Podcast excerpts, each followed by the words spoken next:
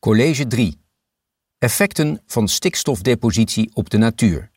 Door Wim de Vries. In de vorige twee colleges heeft mijn collega professor Jan-Willem Erisman iets gezegd over de stikstofproblematiek in vogelvlucht. En toen is hij ingegaan op modellen waarmee je de belasting van stikstof op de natuur kunt berekenen. En dan ging hij ook even heel kort in op de overschrijding van kritische depositiewaarden. En dan kom je natuurlijk op de effecten van stikstof. Dat is waar ik de komende twee colleges op in wil gaan. Effecten op de natuur aan de ene kant en zogenaamde kritische depositiewaarden. Hoe leid je die af? Maar daarnaast ook op verliezen van stikstof naar water en lucht in verband met waterkwaliteit, klimaat en gezondheid. En tenslotte dan ook nog wat voor maatregelen je kunt treffen om die effecten te verminderen. Dus we beginnen met effecten op de natuur en kritische depositiewaarden. Wat denk je dan aan? De meeste mensen, als ze daarover horen, dan denken ze: nou ja, er komen wat meer bramen bij. En dat vinden we ook niet zo erg. Misschien brandnetels en grassen, maar dat is alleen maar een symptoom. Waar je aan moet denken, dat is een heel verstoring van een ecosysteem. De bodem, het bodemleven, de planten die erop voorkomen en de dieren die ervan leven. Beginnend met de bodem, dan moet je denken aan een onbalans van voedingsstoffen het bodemleven, dat je een afname gaat krijgen van de diversiteit van schimmels en bacteriën die voedingsstoffen vrijmaken. Bij de plant aan een afname van plantensoorten door die onbalans en van de vitaliteit van het bos. En bij de fauna aan bijvoorbeeld insecten en vlinders en vogels die ook afnemen door die afname in plantensoorten. Laten we eerst gewoon eens met de bodem beginnen. Belangrijk is denk ik om uit te leggen wat gebeurt er nu precies. Het eerste punt is als stikstof op de natuur terechtkomt, dan begrijpt iedereen, dan wordt die bodem aangereikt met stikstof, een voedingsstof. En dat leidt in zekere mate tot een onbalans. Het is net als iemand die eenzijdig een bepaald type voedsel eet. Maar er is meer aan de hand. Het leidt ook tot verzuring. Eigenlijk hebben we het hier over de oude problematiek van de zure regen. Mensen denken wel eens, daar, daar hoor je nooit meer wat over. Nou, dat is dus wel zo. Want bij zure regen in de tachtiger jaren ging het om diezelfde stikstofoxiden en ammoniak, met daarnaast ook veel zwaveloxide. Dat is voor 90% teruggelopen. Die zwavel en die stikstofoxide die leiden tot vorming van zwavelzuur en salpeterzuur. Als ze in aanraking komen met water. Maar die ammoniak, dat is wel heel bijzonder, die buffert juist dat zuur. Zuur, als je dat chemisch weergeeft, dat heet H+. Dus bijvoorbeeld salpeterzuur, het stikstofoxide is HNO3. En dat H+, dat wordt door die ammoniak opgepakt en dat vormt ammonium. Dus je zou zeggen, nou dat is dan mooi, mooi gebufferd. En een hoogleraar in de tachtige jaren zei ook, dat is een zegen die ammoniak uitstoot. Helaas echter, als die ammonium in de grond komt, dan wordt die veelal omgezet weer in nitraat en dan worden er twee zuren geproduceerd. Dus één heeft hij in de lucht gepakt, twee geeft hij terug. Dus netto draagt hij ook bij. Daarom werd in de tachtiger jaren al gepraat over potentieel zure depositie. En ja, dat betekent dat die onbalans dus nog sterker wordt. Je krijgt te veel stikstof aan de ene kant. En aan de andere kant, wat gebeurt er als die grond verzuurt? Dan probeert die bodem dat te bufferen, heet dat. Denkt u maar aan kalk in de grond, dat kalk gaat oplossen. Maar je raakt wel kalk kwijt. En dan komt er calcium vrij, maar de meeste gronden zijn kalkloos. En dan komt er bijvoorbeeld calcium of magnesium of kalium van de klei af, van de organische stof. Dat zuur gaat eraan zitten, die stoffen gaan eraf en die spoelen met die overmaat aan stikstof uit de bodem. En dus krijg je gebrek aan die stoffen. En dat heeft uiteraard effecten. Effecten op het bodemleven. Vooral dat de diversiteit en de biomassa van het bodemleven afneemt. En dan moet je vooral denken aan schimmels en aan bacteriën.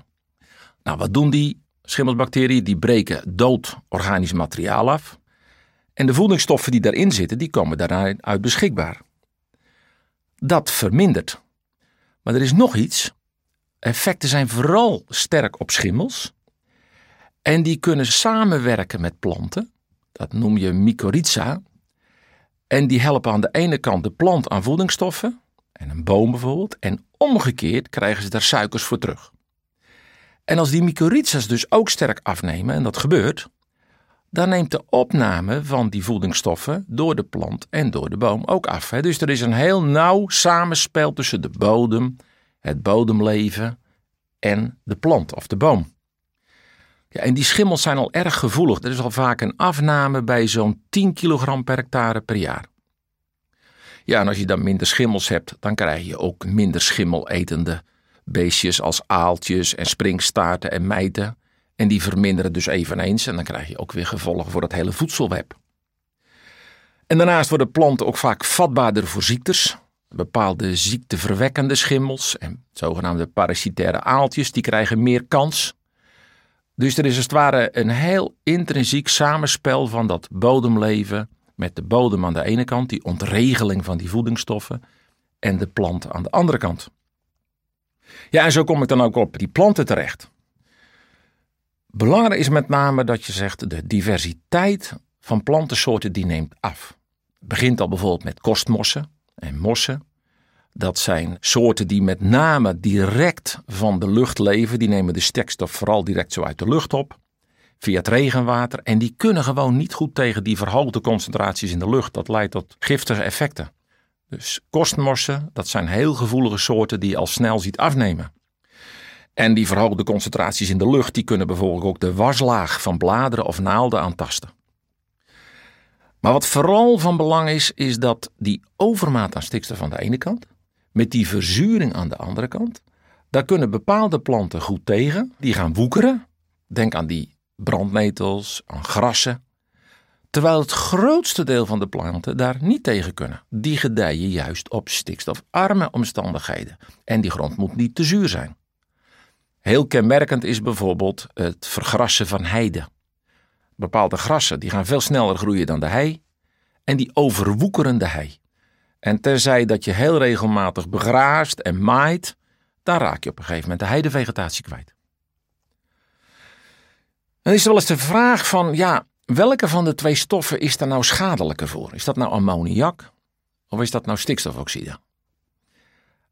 dan is het wel belangrijk om te bedenken dat er inderdaad een verschil is tussen die twee. Ik gaf al aan, die stikstofoxide, die worden al in de lucht omgezet tot salpeterzuur. Dus dat is zuur.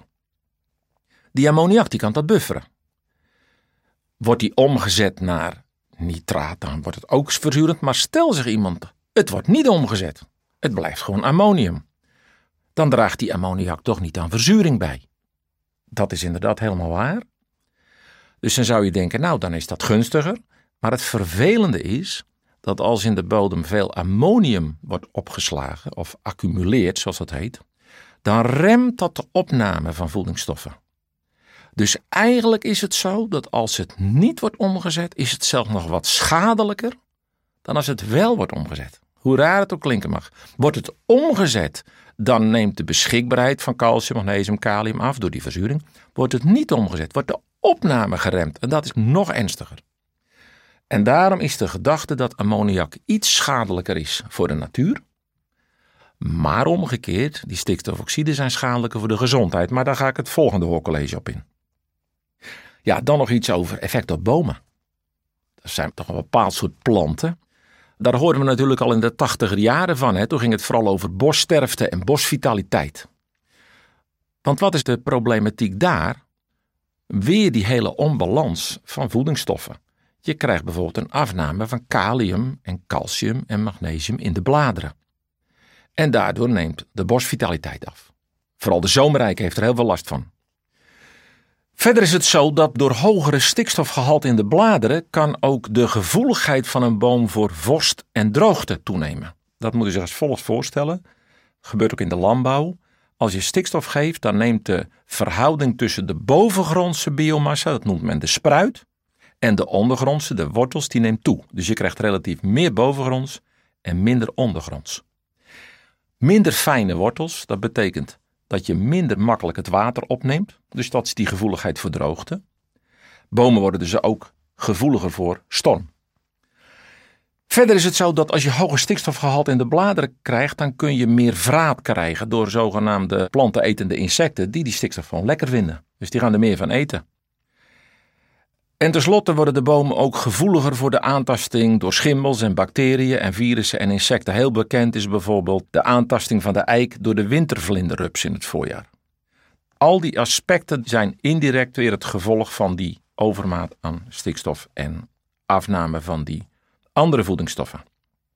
En tenslotte dan nog de dieren, de fauna. Dan moet je denken aan effecten op slakken, insecten, vlinders en vogels.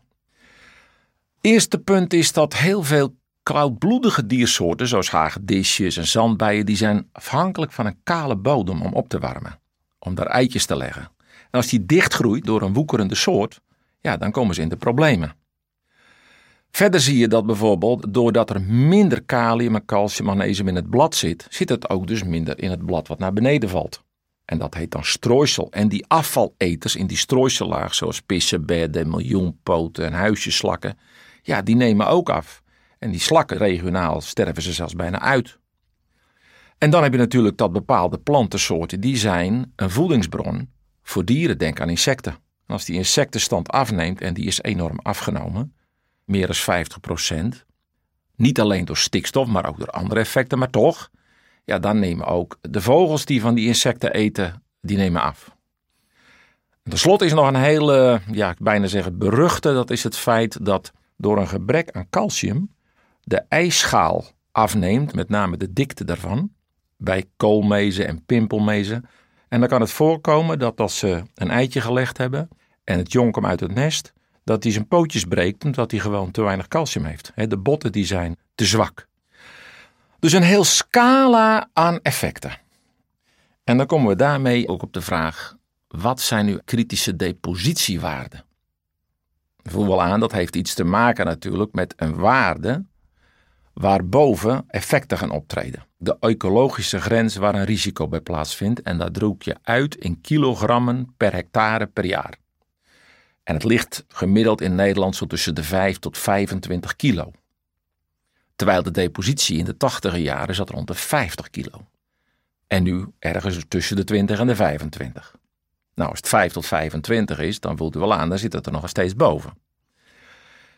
Maar hoe vinden we dan die kritische waarden? Er zijn eigenlijk drie methoden voor en elk heeft voor- en nadelen. Experimenten waarbij je stikstof toedient. Veldonderzoek waarbij je over een soort gradient in de ruimte kijkt hoeveel plantensoorten komen voor bij hoge depositie en hoeveel bij lage. En modelberekeningen. En ik ga op elk even in. Eerste is experimenten.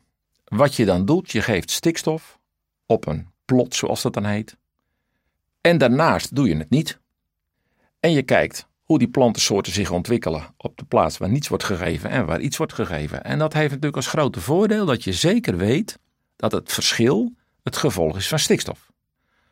Want ze hebben dezelfde bodem, hetzelfde klimaat, dezelfde vegetatie. Echt is het enige verschil. Dat is dus een heel groot voordeel. Maar er zitten ook wel nadelen aan. Het eerste probleem is, die experimenten moeten wel lang genoeg duren. Stel je geeft stikstof 5 kilo, dan geef je 10 kilo, 20 kilo, 5, 40 kilo. Dan kan het gebeuren, en dat gebeurt ook, dat je het eerste jaar niets ziet behalve bij 40 kilo. Maar het tweede jaar zie je het al bij 20 kilo. En het derde of vierde jaar zie je het ook al bij 10 kilo. Dat komt omdat die effecten accumuleren. Maar ja, vaak is er gewoon geen geld voor die hele langjarige experimenten. Denk maar aan promotieonderzoek duurt vier jaar, de meeste projecten duren vier jaar. Dus je hebt heel zelden experimenten die langer dan drie jaar duren. En dat heeft tot gevolg dat je de kritische depositiewaarde kunt overschatten. Als je langer was doorgegaan, was die waarschijnlijk wat lager geweest. Daarom zeggen ze, we willen alleen maar experimenten hebben die meer dan drie jaar duren. Tweede probleem is het voorkomen van hoge deposities. Ga je zoiets in Nederland doen, zo'n experiment, en we doen dat nu, en er is al decennia te veel gevallen, ja, dan is de meeste plantensoorten zijn al verdwenen. Dan kun je er beter een afdakking boven zetten en kijken wat er terugkomt. Dat soort experimenten zijn trouwens ook gedaan. Dus je doet dat soort zaken vooral in gebieden met een lage belasting. Noorwegen, Zweden, Denemarken, deels. Daar is dus ook veel gedaan. En een derde punt kan zijn dat je te grote intervallen neemt. Dat gebeurt nog wel eens in China. Dan nemen ze 0 kilo, 20 kilo, 50 kilo, 100 kilo. Ja, als er dan bij 20 niets gebeurt en bij 50 wel, ja, wat is het dan? Ja, 20 tot 50. Dus dat leidt tot grote onzekerheden in het interval. En het laatste is ook dat de criteria niet altijd gelijk zijn. Sommigen kijken naar plantensoorten, anderen kijken naar de bodem. Dus er is een reden om ook eens naar andere methoden te kijken en dat is bijvoorbeeld zo'n veldonderzoek. Wat je dan doet, is dat je kijkt naar de soortenrijkdom van gebieden in eenzelfde vegetatie, bijvoorbeeld een grasland, maar met een verschillende depositie. Dat kan in de ruimte zijn en in de tijd. Dan laten we met de ruimte beginnen. Je neemt bijvoorbeeld een grasland, dat kan een duingrasland zijn of een kalkgrasland. En je begint in Noorwegen waar het laag is en je gaat zo gradiënt naar Nederland waar het hoog is. En je kijkt dan van hoe zit het met de diversiteit aan plantensoorten. Andere optie is in de tijd, maar dan moet je wel decennia lang dat gedaan hebben. Bijvoorbeeld in de 50 jaren ben je begonnen met een opname. En je kijkt door de tijd wat is er veranderd terwijl de depositie omhoog ging en omlaag. Daar is een voorbeeld van, de Ossenkampen in Nederland, ook een grasland. Dat grote voordeel van die benadering is dat die effecten, die zijn echt gekoppeld aan de aangetroffen depositie op die plek over een langere tijd. Maar er zit ook een nadeel aan. Over zo'n gradient van Noorwegen naar Nederland verandert ook het klimaat en de bodem en de grondwaterstand. Dus je moet wel goed corrigeren voor die andere effecten, want anders dan, ja, dan maak je een toekenning aan iets wat mogelijk gevolg is geweest van klimaatverandering. Dan komen we op de laatste benadering en dat zijn modelberekeningen. Wat een model normaal doet, is dat je hebt een belasting op die bodem en dan berekent hij wat gebeurt er met de stikstofbeschikbaarheid. Wat gebeurt er met de zuurgraad? En dan kan hij misschien nog verder doorrekenen wat gebeurt er met de plantensoorten. Maar bij zo'n kritische belasting moet je terug gaan rekenen. Dan moet je gaan zeggen, bij een bepaalde vegetatietype horen bepaalde plantensoorten. Die bepaalde plantensoorten die vereisen een bepaalde zuurgraad. Daar gedijen ze. Een bepaalde stikstofbeschikbaarheid, een kritische waarde. En dan moet het model terugrekenen welke kritische stikstofdepositie hoort er dan bij en welke kritische zuurdepositie. Dat is in Nederland gedaan voor alle Natura 2000 gebieden. Het nadeel van een model is natuurlijk dat je niet een directe relatie hebt tussen de depositie en iets meetbaars wat je bij een experiment doet. Maar het voordeel is wel dat je alles hetzelfde criterium kan gebruiken. Alles op pH, stikstofbeschikbaarheid. Je kunt heel langjarig rekenen, dus die problemen van het duurtekort is er ook niet. Je kunt verschillen in bodemeigenschappen op die kritische waarden meenemen. Dat betekent dat voordeel dat je in Nederland dan ook gebruik maakt van modelberekeningen, maar in combinatie met experimentele schattingen. Dat komt, zo'n model kan namelijk een exacte waarde berekenen, zeg maar 12 kilo. Die experimenten die zitten altijd op intervals. Het is tussen de 15 en de 20. Het is tussen de 10 en de 15.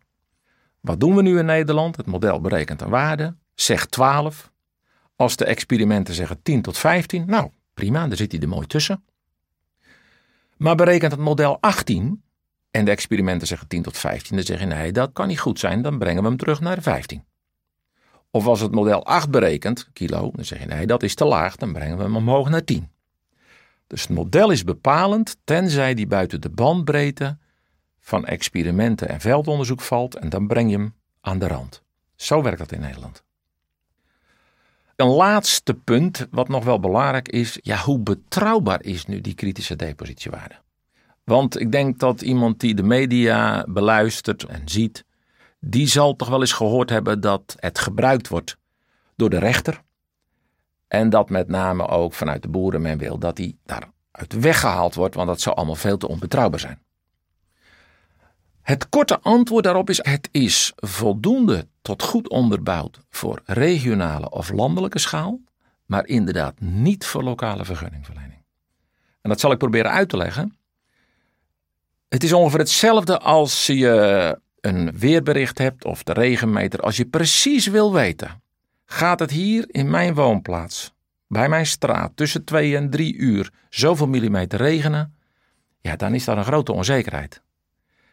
Praat je over gemiddelde regenval in je provincie, ja, dan is het natuurlijk veel zekerder. Dat is net zo met die kritische depositie. Die heeft lokaal een onzekerheid. Dat geldt ook voor de modelberekeningen van de belasting. Dat heeft Erisman in de vorige colleges ook op gewezen.